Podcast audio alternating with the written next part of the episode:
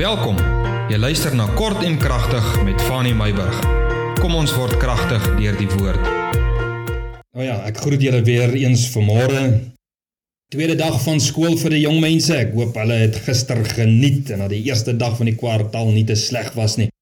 Ek wil vandag met jou gesels oor werk vir vervulling. Weereens 'n gedagte wat opgekom het in gesprekke wat ek weet jy wat meer as 110 keer hoor dat mense vir my sê, hoor wat sê hulle vir my. En ek wil met jou gesels vandag oor werk vir vervulling.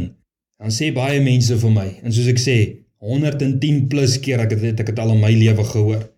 Dan sê hulle vir my, ek het my hele lewe gewerk en in 'n werk gesit waarin ek geen vervulling ingekry het nie. En dan sê hulle ook vir my, as ek eendag aftree, dan gaan ek met 'n career change begin. Hoor wanneer sê hulle, die dag wanneer ek aftree, gaan ek met 'n career change begin. Met ander woorde, dan gaan ek doen wat ek nog altyd wou doen. En dit gaan nie oor vakansie of rus of tuin maak nie, maar 'n career change. Hulle sê vir my, ander mense, ek haat my werk. Dit is vir my die dit is vir my moeite om elke dag op te staan en te gaan werk. Um ek het geen motivering daarvoor nie wat nou gemaak? Is daar iets aan te maak? Dit is die vraag. Ehm, um, hoe kan ek vervuld binne my werk wees? Of moet ek van werk verander? Beroep verander? Moet ek wag tot ek aftree? Moet ek dit voor die tyd doen? Wat is die plan? En jy weet ek stem heeltemal saam met elkeen van hierdie persone wat dit al soveel keer met my gedeel het. Ek stem saam. Jy weet ons werk baie keer net vir geld met goeie redes. Jy sal vir my sê ja, maar hoekom anders werk ons? Ons werk met goeie redes vir geld want ons moet eet, ons moet aantrek en ons moet lewe soos ons almal mos maar vir mekaar sê. En iemand het eendag gesê, hoor gou hierso. Ek dink ek het al eendag op 'n pot gooi het ek dit genoem. Iemand het eendag gesê nadat hy besluit het om sy werk te los en 'n straat kos stalletjie oop te maak, het hy gesê: Ek was nog nooit so arm nie, maar nog nooit so gelukkig nie. En hy sê vir daardie rede doen ek wat ek doen. Ek kom eerder met minder oor die weg en wees vervuld in dit wat ek doen as wat ek elke dag van my lewe iets doen en vir iets opstaan in my lewe om te gaan werk of vir iemand anders te werk en elke dag van my lewe gefrustreerd, geïrriteerd en ongelukkig is. Ek was nog nooit so arm, maar nog nooit so gelukkig nie. Wie wat sê Spreuke 17 vers 1? Dit is mos nou die boek wat Josia geskryf het, nê? Nee, nee Salomo, Spreuke 17 vers 1. Weet wat sê hy? Hy sê beter 'n stuk droë brood en rus daarby as 'n huis vol of vermaaltye met gedwis. Wie hoeveel paas en ma's kom elke aand by die huis dan stry hulle met die kinders. Hulle sien hulle nou al vir die hele dag glad, nê? Dan kom hulle vanaand by die huis en kyk dan, dan fight hulle met mekaar. Hulle sit om om 'n tafel wat alles is in die huis. Hulle het elkeen het sy sy iPod en sy iWat en sy alles en alles is daar in die huis. Alles is volop, maar daar is nie vrede nie. Daar is nie rus nie. Want wanneer pa en ma by die huis kom, is hulle gefrustreerd en geïrriteerd met mekaar omdat hulle van die werk so afgekom het en van die druk van die verkeer. Dan kom hulle by die huis en dan is daar 'n uh, snotneus seentjie en of 'n uh, dwars tiener en kyk dan is die hel los. Salomo sê: Beter 'n stuk droë brood en rus daarby as 'n huis vol offermaaltye met getoos. Spreuke 16 vers 8 sê hy. Hy sê liewer 'n bietjie met geregtigheid as 'n menigte van inkomste met onreg. Nou ek het al meer as 110 keer wat ek net nou gesê het wat ek gehoor het wat mense ongelukkig is, het ek meer as 110 keer hierdie volgende skrif gekwoteer en meer as soveel keer die waarde en die realiteit van hierdie volgende skrif gesien en dit is Spreuke 22 vers 29. sien jy 'n man wat vaardig is in sy werk? Hy kan voor konings staan. Hy hoef nie voor geringes te staan nie.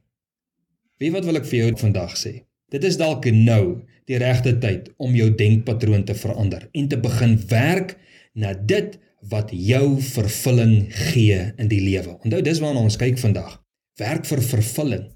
Nie vir 'n salaris nie, werk vir vervulling. Want onthou wat sê Spreuke 22 vers 29. Hy sê 'n man wat vaardig is in, in sy werk, jou gawe, jou talent, dit waaraan jy goed is, dit gaan jou voor konings laat staan. Nou kom ek sê vir jou as jy voor konings kan staan, beteken dit jy sal 'n inkomste kan genereer uit dit wat jy doen. As 'n koning jou kan raak sien, beteken dit jy is 'n man of 'n vrou met gawe en talent. Jy kan 'n ding doen. Dalk is dit nou tyd om te begin glo dat jy 'n vaardigheid het wat waarde kan toevoeg in die samelewing. Miskien is dit tyd dat jy besef jy hoef nie vir 'n baas te werk nie. Miskien, hoor wat ek sê, of jy moet begin jou voelers uitsteek na ander werk toe of ander maatskappy wat in jou lyn is. Jy is dalk nie gekwalifiseer daarvoor nie, maar jy het 'n gawe. Jy het 'n talent. Jy het die vermoë, jy het net nie die papier daarvoor nie. En daai vaardigheid gaan jou voor konings laat te staan kom. Ek wil gou-gou eh, wat hoe sê hulle 'n stywer in die armbeurs gooi, klip in die bos. Ek wil dit gou vir jou gooi. Ek wil vir jou sê nou dat jou kar afbetaal is, moenie 'n nuwe een koop nie. Hoor mooi wat ek sê. As jy die nuwe kar se paaiement elke maand vat en dit in jou passie belê.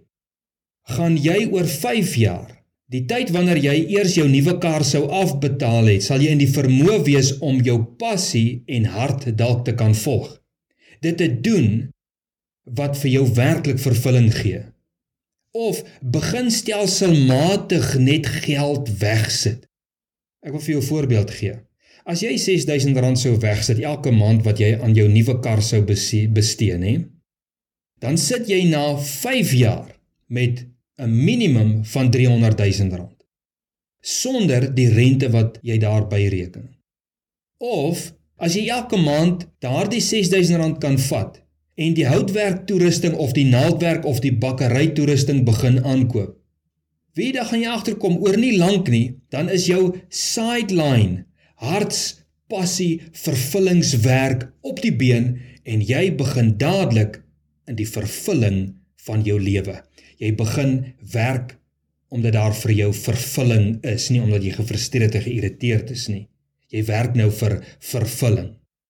Soms kan jy jou passie, nê, en hier is die ander gedagte. Soms kan jy jou passie en dit wat jou vervulling gee in die lewe haak aan jou bestaande werk as die omstandighede dit sou toelaat en jy kan steeds vervuld lewe sonder die spanning van verlies aan die vaste inkomste wat jy heidaglik het en dit is as jy jou passie hak aan jou bestaande en jou huidige werk. Spandeer jou tyd wat jy miskien aan die televisie en aan vriende gespandeer het, trek 'n bietjie terug en sê, weet jy wat, die tyd wat ek het, gaan ek nou begin uh, eh, goedjies maak wat ek in vervulling invind en ek gaan hierdie goeders gaan by die gaan ek by die werk begin verkoop ensovoorts ensovoorts ensovoorts. Hierdie beginsel lees ek in Spreuke 31, die Spreuke 31 vrou. Hierdie ek gaan net net gou vir jou vinnig aanhaal. Ek sien hierdie vrou nê. Jy gaan lees dit 'n bietjie vir jouself. Spreuke 31. Ek sien sy sorg vir wol en vir vlas. Sy bring brood van ver af in, met ander woorde van ander bronne, nie uit haar eie oond uit nie of die bestanddele uit haar eie oond uit nie. Dit kom van ver af. Met ander woorde dis vreemde geld, dis vreemde bronne. Nommer 3. Sy dink na om grond te koop. Dis haar visie, dis haar droom en sy koop dit. Hierdie is 'n ma. Sy sorg vir wol en vir vlas Sy sorg vir brood op die tafel. Sy kry hierdie brood op die tafel van vreemde bronne. Sy dink na om grond te koop en sy koop dit. Sy plant wingerd aan. Ons praat ons praat hier van 'n vrou. Sy plant ek praat nou nie sleg van die vrouens nie. Ek weet julle kan dit doen. Hierdie hierdie ma, hierdie vrou, sy plant 'n wingerd aan en sy eet van die vrugte daarvan. Sy spin met 'n spinstok. Sy maak klere, sy maak beddegoed en klere selfs om te verkoop en sy onderrig. Hierdie Spreuke 31 vrou is vir ons daardie voorbeeld van om 'n vervullende lewe te lewe. Sy doen al hierdie goed. Miskien is daar een of twee van hierdie goed wat sy doen wat vir haar nie so baie lekker is nie, maar dalk hou sy daarvan om in die wingerd te werk en die vrug van die wingerd te geniet. Miskien hou sy van naaldwerk, maar sy moet ook brood inbring van ver af, maar sy moet ook die wingerd bewerk. Verstaan julle wat ek bedoel? Sy kan passievol lewe, sy kan 'n vervullende lewe lewe omdat sy een werk aan 'n ander werk gekoppel het. Sy tyd gemaak daarvoor. En dan sê daai skrif ook, sy staan vroeg in die môre op en sy gaan slaap dalk laat vanaand om haar kinders te kan versorg. Jy weet, iewers moet jy besef dat die spanning en die frustrasie van 'n onvervulde lewe soveel druk plaas op jou huwelikslewe, jou gesinslewe, jou algemene gesondheid en jou geestelike lewe en iewers sal jy moet 'n kwaliteitsbesluit moet maak. Om te sê ter wille van my huwelik, my gesin, my gesondheid, ter wille van my geestelike lewe, sal ek moet 'n aanpassing maak. En weet wat baie keer sien ek daardie aanpassing kom wanneer ek 'n vervullende leefstyl lewe. So, wat is die oproep vir môre? En dit is my gedagte vir werk vir vervulling. Nou toe mag die Here jou seën. Ek hoop jy het vandag miskien gedagtes gekry Wanneer die Heilige Gees, wanneer 'n mens die woord oopmaak, wanneer 'n mens daaroor gesels, dan kom daar baie keer nuwe gedagtes, nuwe planne, nuwe idees. Partykeer steek dit net 'n vuurtjie aan die brand wat nodig is om 'n geweldige verandering in 'n mens se lewe teweeg te bring. Nou toe, alles wat mooi is, die seën van die Here bid ek jou toe vir hierdie nuwe dag wat vir jou voorlê.